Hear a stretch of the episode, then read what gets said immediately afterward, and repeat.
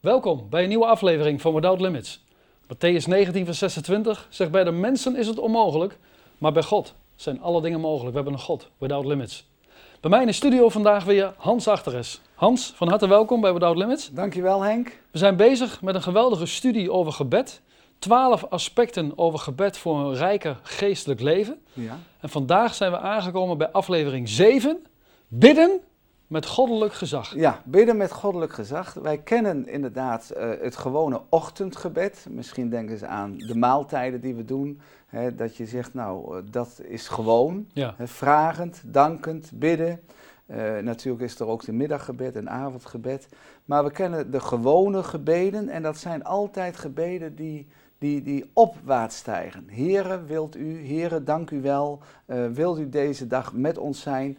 Eh, natuurlijk is daar een dankgebed, wat ik toen net al deed. Smeekgebeden, hè, dan is er echt wat aan de hand. Hè, dat pas geleden voor mijn schoondochter met mijn vrouw en een ander eh, een smeekgebed deed voor mijn schoondochter die aan het hart werd geholpen. Dat was echt spannend. Maar begeleidend bij dat gebed deden we Psalm 91, werd er uitgesproken. Heel de Ja, psalm. ja, ja. En dat geeft kracht, maar daar krijgen we het zo bij aflevering 3 over. Maar dat, zoals ik het dat noem, dat zijn de zogenaamde aardse gebeden. In goede zin. En dat hebben we hoofdzakelijk, bestaan die eruit. Met andere woorden, we gaan van de aarde, gaan we ons richten naar de hemel. We gaan van de aarde naar de hemel. Wat ik al zei, heren, ik vraag u, wilt u, schenkt u, geeft u. Ja. Heren, ik kom tot u, mag het zo zijn. Dus dat het zijn opwaartse gebeden, je zou zeggen, en dat is ook juist, dat zijn nederige gebeden. Ja. En zijn dat de meest voorkomende gebeden, hè, vragende gebeden? Ja, ik denk eh, dat, is, ja, dat is ook heel normaal dat men dat doet. Eh, ik, ik dacht even aan het mooiste gebed wat ik van een kleinkind een keer eh, gehoord heb, was Paula. En die zei, eh Heere God, lieve Heere God, ik snap het niet. Van, van, ik snap het eigenlijk totaal niet wat de mensen betreft. Ja, nou ben ik het even kwijt. Ik moet even opnieuw doen. Jammer, jammer. Oké. Kan, we dat, kan ik even verder gaan? Ja, het is moeilijk om te knippen, denk ja? ik. Eh, nou, als jij de vraag stelt. Ja, je hebt Oh net ja. een vraag gesteld. Ja? Eh, ik zal de vraag stellen. Nou, we missen dan 30 seconden. Oké, Ja. we gaan door. Eh,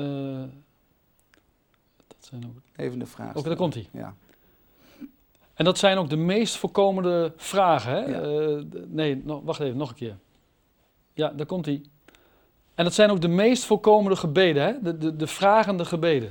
Ja, dat is ook normaal menselijk eh, dat we altijd vragen aan God. Het meest wat mij altijd bijblijft was van een meisje Paula. Ja. Eh, een klein meisje die op een gegeven moment zegt: Lieve Heere God, eh, ik, ik snap het niet meer.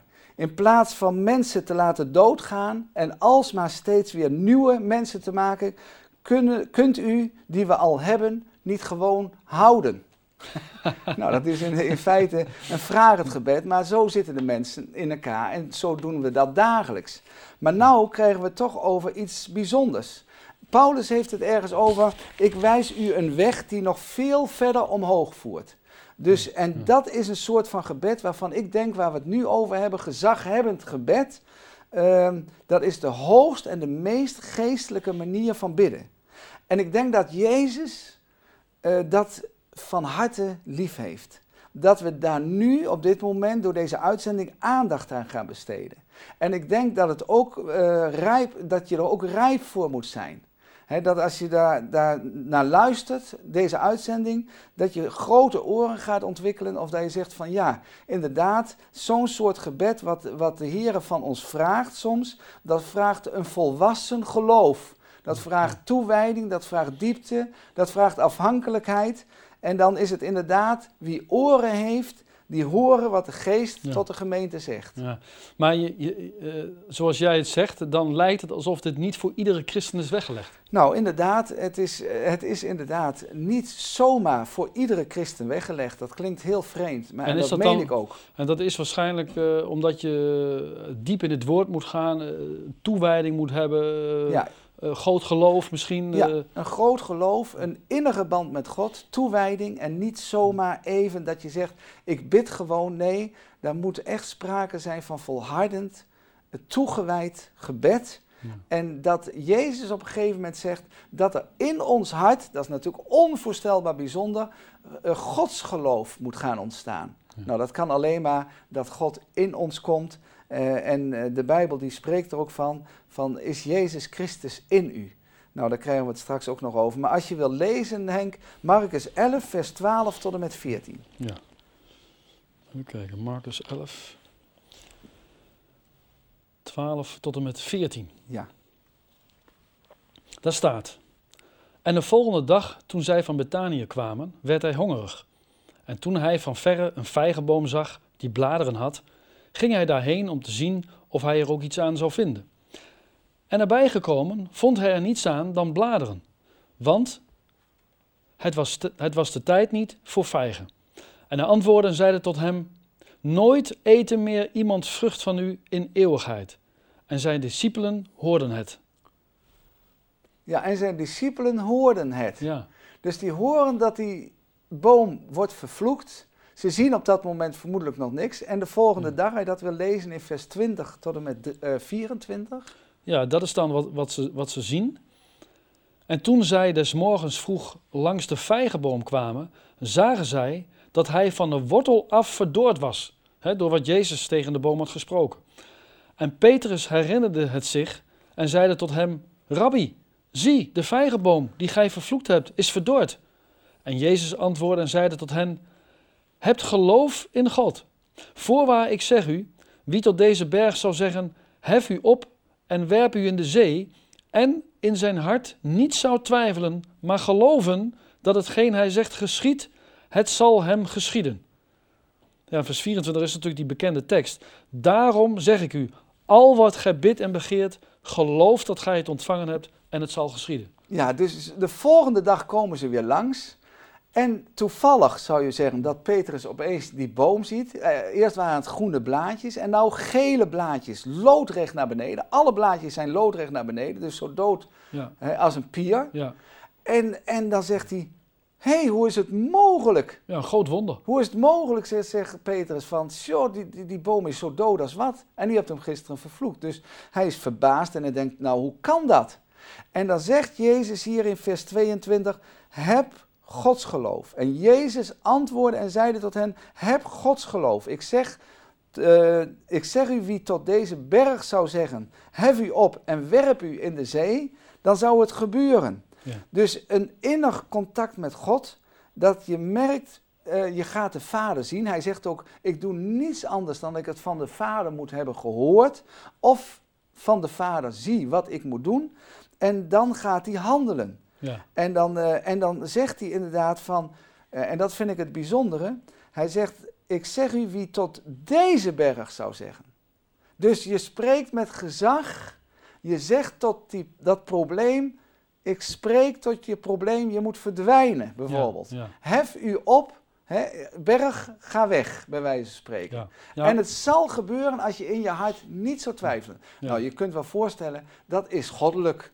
Dus dat goddelijke, dat kan door geloof, door gebed in je ontwikkeld worden. Vandaar dat ik zeg, dat is niet voor iedere christen weggelegd. Want daar moet je inderdaad eerst aan toe zijn. Dan moet je in je hart, moet er een, een voorbereiding eh, plaatsgevonden hebben. Het goddelijke moet gaan overheersen. En dan dat je met goddelijk gezag gaat spreken. En dan gebeurt het ook. Het is dus niet van ik twijfel, het kan vriezen, Ja. het kan dooien. Maar er wordt kracht aan verleend. Dus Jezus zegt gewoon zo onomwonden van als je dat doet en je hebt Gods geloof in je, dan gaat het gebeuren. En eh, ja, dat is natuurlijk iets bijzonders. Dat betekent, je richt je op dat moment niet naar de Vader of naar God. Door te zeggen, Heere, wilt u? Maar je richt je op dat moment dus tot het probleem. ja, Tot die berg. Die inderdaad verhindert om bijvoorbeeld het koninkrijk van God op een fijne wijze tot stand te laten komen. Zit die berg in de weg. Ja. En dan zeg je tot die berg, hef op en ik werp je in de zee. Dus niet, o, o Heere, wilt u? Of ik vraag u, o Heere, ik vraag u. Nee, daar is iets bijzonders in je aan het werk, waardoor je dus anders gaat bidden dan voorheen. Ja, Ja, dat is natuurlijk iets wonderlijks. Dus je hebt een soort autoriteit ontvangen hè, om dingen uit te spreken. En God verleent er dan kracht aan dat het ook gaat gebeuren. Moet je het ja, zo zien? Ja, eh, kijk, alle gebeden die wij doen zijn normaal opwaarts. Ja. Die gaan opstijgen, zijn ze. Maar dit is een gebed nederwaarts. Je wordt dus door de hemel bekleed met macht, kracht, geloof en zekerheid. Ja. Want anders doe je dat niet. En dan ga je direct beslist, eh, met besef van dat gezag, ga je dus dat ook doen. En je ontvangt volmacht. Een uitoefening van, ja, een verlengstuk word je eigenlijk van de Heer, waardoor zijn naam wordt verheerlijkt. Ja, dat wou ik ook net zeggen, want het is eigenlijk zo. Je moet dat denk ik zo zien, en corrigeer me maar als het anders is, maar hè, dat jij het eigenlijk niet spreekt, maar Jezus heeft ons de volmacht gegeven en Hij is eigenlijk degene die het spreekt. En daarom Ja. gebeurt het ook als je dat dan uitspreekt. Ja, hij heeft ons eigenlijk aan elke ring zijn ring gegeven, koninklijke ringen. En eh, ja, dat is iets van de Heilige Geest, waardoor je weet, als je dat bidt of zegt, gebeurt er iets. Ja. Ja, dat is natuurlijk onvoorstelbaar bijzonder. Kijk, ik heb eens een keer gehoord dat een vrouw, die ging verhuizen. En ze stond er niet ten volle bij stil, maar toen ze daar in dat nieuwe huis zat, zag ze die berg voor zich. Die heuvel of berg. En die verhinderde haar dat uitzicht. Wat erachter lag, was natuurlijk vermoedelijk een meer of prachtig landschap. En, en die dacht, nou, die las dat in de Bijbel, zegt tot die berg, hef u op. Dus ze ging s'morgens, eh bad ze dat, hè, want er staat in uw woord, hè, berg verdwijn. En toen stond ze s'morgens op en ze doet de gordijnen op. En het eerste wat ze zei, zie je wel, dat dacht ik wel dat hij er nog staat. Ja. Ja, dat is niet het geloof van God. Dat is niet Gods geloof. Ja. Dat is niet geloof zonder te twijfelen. Kijk, ze opende met de gedachte, nou, Ja. hè, zie je wel, hij, staat er nog. Ik Nee. moet nog even denken, Hans, aan een tekst. Eh, in het Oude Testament, Spreuken 18, vers 21, daar staat ook: dood en leven is in de macht der tong. Ja, En Ja. niet, niet in de macht der gedachten, in de macht der tong. ja, daarom moet je dus soms gebiedend spreken, dat moet je dus leren. En, en dat de Heilige Geest gaat je niet alleen ondersteunen, maar ook laten voelen dat je zo mag bidden soms. Soms. Ja, ja.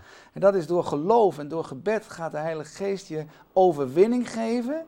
En als je overwinnen wilt, dan heb je Gods geloof nodig en ga je tot bergen spreken. Je Ja. zegt gewoon opruiming. Opruiming in de naam van Jezus. Nou, dat is Gods geloof. Dus bergen moeten wijken, zoals moeilijkheden, hindernissen. Hef u op en werp u in de zee. En je gaat tot een probleem wat zeggen. Je gaat tot ziekte soms spreken. Je gaat tot de pijn in je lichaam spreken. Je gaat tot de demonen spreken. Of een demon die je lastig valt waarvan je weet, hé, hey, dat is het de duivel. Daar ga je toe spreken. Opruiming in de naam van Jezus. Ja, ja, prachtig, prachtig. Eh, En het goddelijk gaat overheersen, hè? Dat, dat, dat is dan duidelijk, hè? door gebed en door vasten. Ja, Want ook- dat is denk ik ja, ook een, een, ja. een, dat, dat is een, eigenlijk is dat een dynamisch duo, hè? bidden en vasten. Ja. Kun je er iets over vertellen? ja, bidden en vasten. Kijk, je gaat niet eerder vasten dan dat, dan dat je tot op je botten bekeerd bent. Ja. Want je verwacht het alleen maar van God. Niet meer van jouw talent, van jouw vaardigheid, van de omstandigheden. Nee, God moet het doen. En God zegt, als je het van mij verwacht, dan zal ik je bekleden. Dat staat ook in Galaten 3. Wij zijn bekleed met Christus. En dan ga je spreken, zoals Johannes 16 dat zegt, vers 23. In mijn naam. Spreek in mijn naam. Hè, Marcus 16. In mijn naam. In mijn naam zullen ze, dus die volmacht, Ja, boze geesten ja, eh, verdrijven. Slangen opnemen. Hè, er, zijn, eh, er is een gemeente of kleine gemeente in, eh, nou ja, in Amerika, waar dus die voorganger zo aanmatigend was, waar hij die letterlijk slangen opneemt en daarmee liet zien dat hij de macht had. Maar hij is er wel aan overleden, want pas geleden is hij inderdaad eh, ja. door een slang omgekomen. Die nam het dus verkeerd en ook letterlijk. Hè, maar we moeten inderdaad die slangen inderdaad verdrijven, maar dat is natuurlijk de boze machten. ja. En eh, nou, dat kan soms ook letterlijk, maar dan zal het door omstandigheden zijn. Maar we moeten Ja. er niet mee gaan spelen zoals die voorganger die ook letterlijk overleden is. Ook zult gij iets dodelijks drinken. Ja. Dat zal u geen schade doen. Ja. Dat is inderdaad dat je dat beseft en voelt, oeh, er is iets vergiftigs in me gekomen. ja. Dan mogen wij aanspreken wat verkeerd is en het verwijderen in Jezus' naam. Maar ik heb soms niet één keer, maar meerdere keren de indruk van christenen dat zij gewoon behoren bij het ziekenhuispersoneel of ziekenhuispatiënten. Ze zitten altijd maar zijn ze bezig met paracetamolletje. Maar een molletje zit onder de grond. Wij hebben autoriteit. Jezus zegt in zijn woord in Timotheus, wij zijn soldaten. Wij behoren tot de militie van Christus. Laat zien dat je in het geloof bent. Laat zien dat je macht hebt ontvangen. Laat Ja. zien dat je in het geloof spreekt. Dat is Gods wil kennen en handelen. En als we dat niet doen en we verzuimen dat, dan zijn we slappe mensen. Slappe christenen. Ja. Slappe gelovigen. Ziekenhuispatiënten. Maar weet je wat ik mooi vind, Hans? Dat in Lucas 19 uit mijn hoofd, daar staat dat wij macht hebben over slangen en schorpioenen en over de hele legermacht en dat zij ons niets kunnen doen. Maar in de Statenvertaling, dat staat iets heel moois, dat heb ik gelezen. Daar staat dat wij kracht hebben over de macht van Satan. Nou, amen. Nou, dat is toch geweldig? Amen. En die moeten wij gebruiken. Die staat tot onze beschikking Ja. door geloof en door gebed. Maar toch hoor je dat weinig. Hoe zou dat komen? Nou, omdat daar niet gepredikt wordt, men wandelt er niet in, men eigent het zich niet toe en men ontvangt geen onderricht. Totdat je ogen geopend worden, nou daarom dat ik van, van eh, vandaag eh, inderdaad voor televisie daarover spreek. Eh, want inderdaad, dat, was ook, ja, dat is ook misschien wel een vraag die bij jou leeft. Waarom doen wij dit niet? Hè? Dat, Ja. dat, Ja, ja. Waarom doen wij dit niet? Ja, er is het gezaghebbende gebed, want we zijn onwetend. Ja, gebrek We- aan kennis. Gebrek aan kennis, we weten geen eens wat Gods woord en wat Jezus daarover zei. En we hoeven helemaal niet als we bidden, ja ik deed het toen net wel even, omdat ik enthousiast overtuigd ben. Maar we hoeven een gezaghebbend gebed helemaal niet met stemverheffing te doen. Ja, ik zeg ook altijd, Jezus schreeuwde niet, de demonen schreeuwden. Amen, amen. Nou, je vult me geweldig aan. En het is ook soms dat er geen geloof is, waardoor we geen gezag hebben. Nee. Er is ongeloof in het hart. Er is geen grote beslistheid. Als wij bidden met gezag, dan is het geloof niet in ons hart. Dus ongeloof. Er is twijfel.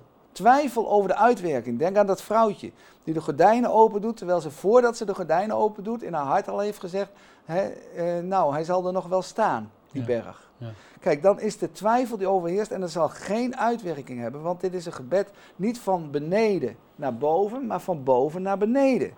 En dan zal er ook geen overwinningsleven zijn, want er zal er veel struikeling zijn. Dat is ook vaak waardoor er een gebrek is aan gezaghebbend gebed. En bovenal denken heel veel christenen, wie ben ik? Wie ben ik? dat ik met gezag mag bidden. Ja. Dus zij vinden dat inderdaad, eh, zij, zij, zij voelen zich minderwaardig. Maar wij moeten weten wat wij in Christus hebben ontvangen. Door zijn woord, door zijn macht, door zijn kruisiging, door zijn opstanding. En sommigen vinden dit aanmatigend. Maar ik zeg ook, we moeten dit leren doen. Want we moeten dus leren om soms door de Heilige Geest gezaghebbend te bidden. Want de Heer zegt, wie zal uitverkorene Gods beschuldigen? Wie zal uitverkorene Gods treffen? Nou, wij moeten inderdaad dus weten van wij zijn uitverkorene Gods door genade. Door genade. Ja. Maar laten we ons dan ook gedragen als uitverkorene Gods. En daar zit vaak de moeilijkheid. Dus we moeten invloed uitoefenen vanuit zijn troon. En de duivel lam leggen, want hij is het hoofd. En dan, eh, ja, we moeten niet geïnjecteerd worden met onszelf. Wij zitten soms eerst met onszelf. Dat we geïnjecteerd zijn met angst of stille angsten. Of met wantrouwen. Of dat we last hebben van liefdeloosheid. Of van zelfmedelijden. Of macht van de redenatie, dat het verstand gaat overheersen. Ja. Of we zitten met oneenigheid. Of we zitten soms met dingen die tegen ons zijn en dan zijn we boos. Nou, wij moeten eerst die sterke ehm, eh, tegenkrachten binden in onszelf. We moeten ze wegsturen, we moeten ze verdrijven door gebed, door geloof, door op God te zien. Verdrijf en verbied die machten die nog in je aanwezig zijn om, je, om dat te bewerken, waardoor je niet toekomt aan gezaghebbend gebed. Want de Bijbel zegt in Romeinen 16, we hebben dat vorige keer besproken, onder uw voeten zal die vertrapt worden. En dan gaat het over de Satan. Ja. Maar ook inderdaad die dingen die nog tegen u spreken. Eh, Psalm 118 heeft het over dat we doel moeten treffen. Zijn naam, in zijn naam worden de machten, de tegenkrachten die tegen God zijn, onze tegenpartijders en ook ons eigen vlees zit tegen, die moeten we neerhouden in zijn naam. Maar we moeten het gewoon doen. Amen, amen. Het is dus eigenlijk zegen en strijd en strijd en zegen. Ja, het is de hele tijd net wat je zegt. Ja, strijd en zegen, zegen en strijd. Ja. Want dit wat ik nu over heb zal niet ophouden. Ja. Dat er dingen tegen ons zijn. En, maar we moeten daar weten mee te handelen. Ja. Nou, dan gaan we Matthäus 18, vers 18, als je dat wil lezen. we- Dan gaan we daar eens eh, dat nader bekijken. Een vorm van gezaghebbend gebed. Matthäus 18, vers 18. Als je dat wil lezen. Ja, vers 18. Voorwaar, ik zeg u, al wat, gaat, wat gij op aarde bindt, zal gebonden zijn in de hemel. En al wat gij op aarde ontbindt, zal ontbonden zijn in de hemel. Ja, Dus hier gaat het over binden en ontbinden. Dus niet meer, Heere, wilt u? Maar er moeten dingen gebonden worden. En er moeten dingen ontbonden worden. ja, Dat betekent, de hemel reageert op de goddelijke beschikking op aarde. Dus de hemel reageert op de goddelijke beschikking op aarde. Dus je hebt allebei gezaghebbende gebeden. En eh, je hebt dus verleende volmacht ontvangen. Dat betekent, de gemeente, de gemeente zegt wat, kinderen van God zeggen wat, en God doet het. ja, ja, Dat is natuurlijk geweldig. Dat betekent misschien dat mensen die luisteren en kijken denken van ja, maar Hans en Henk, wat betekent binden en ontbinden? Nou, alles wat het koninkrijk van God schaadt. Laat maar stellen, er is onvoorstelbare harde regen en storm. Bind het in de naam van Jezus dat het koninkrijk van God schaadt. Er is bijvoorbeeld, je wordt gestoord in gebed. Hè, van mij apart gaan de telefoontjes achter elkaar door, terwijl je juist stille tijd van houden. Bind het in de naam van Jezus. Je bent in een samenkomst, maar er is één vrouw of man die praat onvoorstelbaar veel. En het schaadt het koninkrijk van God. Bind het in je, in, in je hart, in de naam van Jezus. Er zijn interrupties in samenkomsten, bijeenkomsten. Bind het in de naam van Jezus. Er zijn talloze tegenslagen. Je zet de paraplu op van tegenslagen. En het werk ondermijnend in het leven met God, in de wandel met God. Bind in de naam van Jezus. Dus dat betekent alles wat tegen Gods wil ingaat. En dat kun je ook ontbinden. Ontbinden is dat je je gebonden voelt, bijvoorbeeld door schuchterheid. Je bent verlegen. Je bent voor de zangdienst gevraagd, maar je wil het niet, je durft het niet. ja, Hè?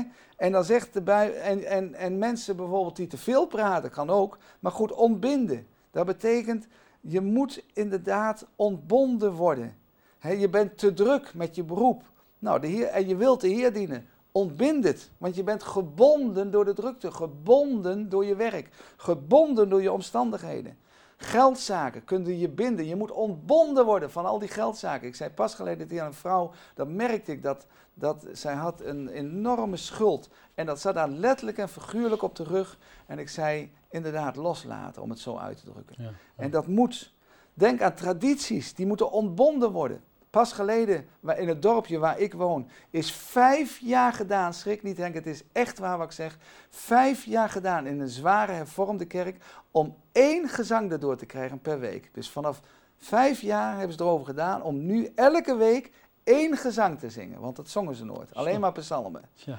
En als gevolg daarvan zijn er drie gezinnen weggegaan. Jongen, Want dit is niet uit God, zeggen ze.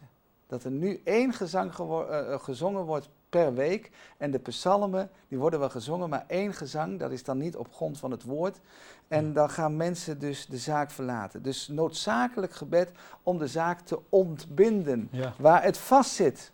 Want we zijn hemelburgers. We zijn een koninklijk priesterschap. Dat is de bedoeling. En we moeten als koningen heersen. Dat wordt onze toekomst. Voor iedere kind van God. Wij zullen, staat er in 2 Timotheus, lees die hele brief maar na, dan komt u één zinnetje tegen. Dat we als koningen zullen heersen. Dus we zijn ambassadeurs, maar dat betekent wanneer kunt u heersen en gezag uitoefenen? Als u eigen leven hebt afgelegd door de doop.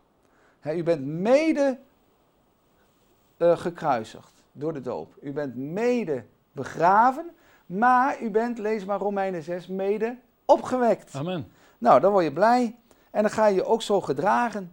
Maar ik heb de indruk dat, dat christenen zijn net politiemensen. Dan staan ze op, op het kruispunt om alles te regelen, maar ze hebben een pyjama aan. nou, als jij als politieman een pyjama aan hebt op het kruispunt, probeer dan maar gezag uit te Dan heb je geen oefenen. gezag, nee. Geen autoriteit. En de demonen, nou, die lachen erom om zo'n pyjama. Maar ben je goddelijk bekleed, Ja. Daar gaat er ontzag van uit, want wij weten dat alle mensen die christenen zijn, zijn de witte mensen op aarde. En alle mensen die niet verbonden zijn met God en Christus, zijn de zwarte mensen. Dat zijn er nogal wat. Dus hij zal het altijd de witte mensen moeilijk maken. Ja, ja. Hans, dat is een hele nieuwe kijk op gebed, zullen veel mensen denken. Ja, dat is ook zo. Maar Jezus leert het ons. Ik heb net eh, twee, drie teksten genoemd. Hè, binden, ontbinden, zeg tot deze berg. Ja. Nou, noem maar op. En dat vraagt van ons zelfverloochening en Ja. zelfbeheersing. We moeten, wat jij zei, vasten, afzien van onszelf en opzien naar God. Dat betekent als je vast en je zegt ik ga een dag vasten, dan, dan heb ik ook, dan, dan, dan heb ik zin in een lekker stukje chocola. Ja. En opeens denk ik, ik vast, laat ik het niet nemen om des Heren wil. Ja, ja. Het is Opeens- sterven aan je vlees, hè, letterlijk. Ja, het is sterven aan wat je graag wil. Dan zie je daar een paar gehaktballetjes. Heeft je vrouw net gisteren gemaakt. En ze zijn zo ontzettend lekker en bruin. Maar dan vast je en je zegt nee, inderdaad. En, maar drink wel, dat is goed. Maar onthoud je van vast voedsel. En eh, je doet het alleen voor de Heer. Maar dit gebed waar ik nu over spreek, dat is het meest geestelijke en het meest belangrijke. En misschien dat we nog even Exodus 14, vers 15 en 16 kunnen lezen. Want dat is eigenlijk ook bijzonder. Exodus 14, vers 15 en 16. En ik lees het eh, bij u voor. Waarin de staf van Mozes verandert in een staf Gods. Toen zeide de Heer tot Mozes: Wat roept gij zo luid tot mij? Zeg tot de Israëlieten dat ze opbreken. En gij, Mozes, hef uw staf op en strek uw hand uit over de zee en splijt haar. Ja. En dan zullen de Israëlieten midden door de zee kunnen gaan op het droge. Dus die gewone stok, die, gewoon, die geloofs, de gewone arm, sorry, die gewone arm van u, gelovigen en van mij, moet worden een geloofstaf. Neem de staf Gods in uw hand, staat er, waarmee u tekenen en wonderen zult gaan doen. In volkomen afhankelijkheid wordt die gewone stok een staf Gods. Mozes stok werd een staf. Hij werpt hem voor Farao en voor zijn aangezicht en die staf wordt een draak. Hij wordt er bang voor. Dus gebruik uw geloofstaf. Splijt de zee. Het onmogelijke, ja, daar heb je altijd last van meneer ongeloof. Die zegt het is onmogelijk. Ja. Maar wij zitten bij, Without limits. Alles is mogelijk voor wie gelooft. En weet, weet je wat ik zo mooi vind, Hans? Tot slot. Al de dingen die jij eh, hebt laten zien vanuit Gods woord, dat zijn dingen die God zegt. ja, absoluut. En als God het gezegd heeft, nou, dat is de absolute waarheid. En dan Ja. is het ook zo. Ja. En dat mogen we geloven. En als we geloven wat God gezegd heeft, dan geldt de tekst: gelooft dat gij het ontvangen hebt. En dat zal geschieden. Amen. Ik zeg, die tegenstanders moeten we neerknuppelen in Jezus' naam. Amen. nou Hans, dankjewel.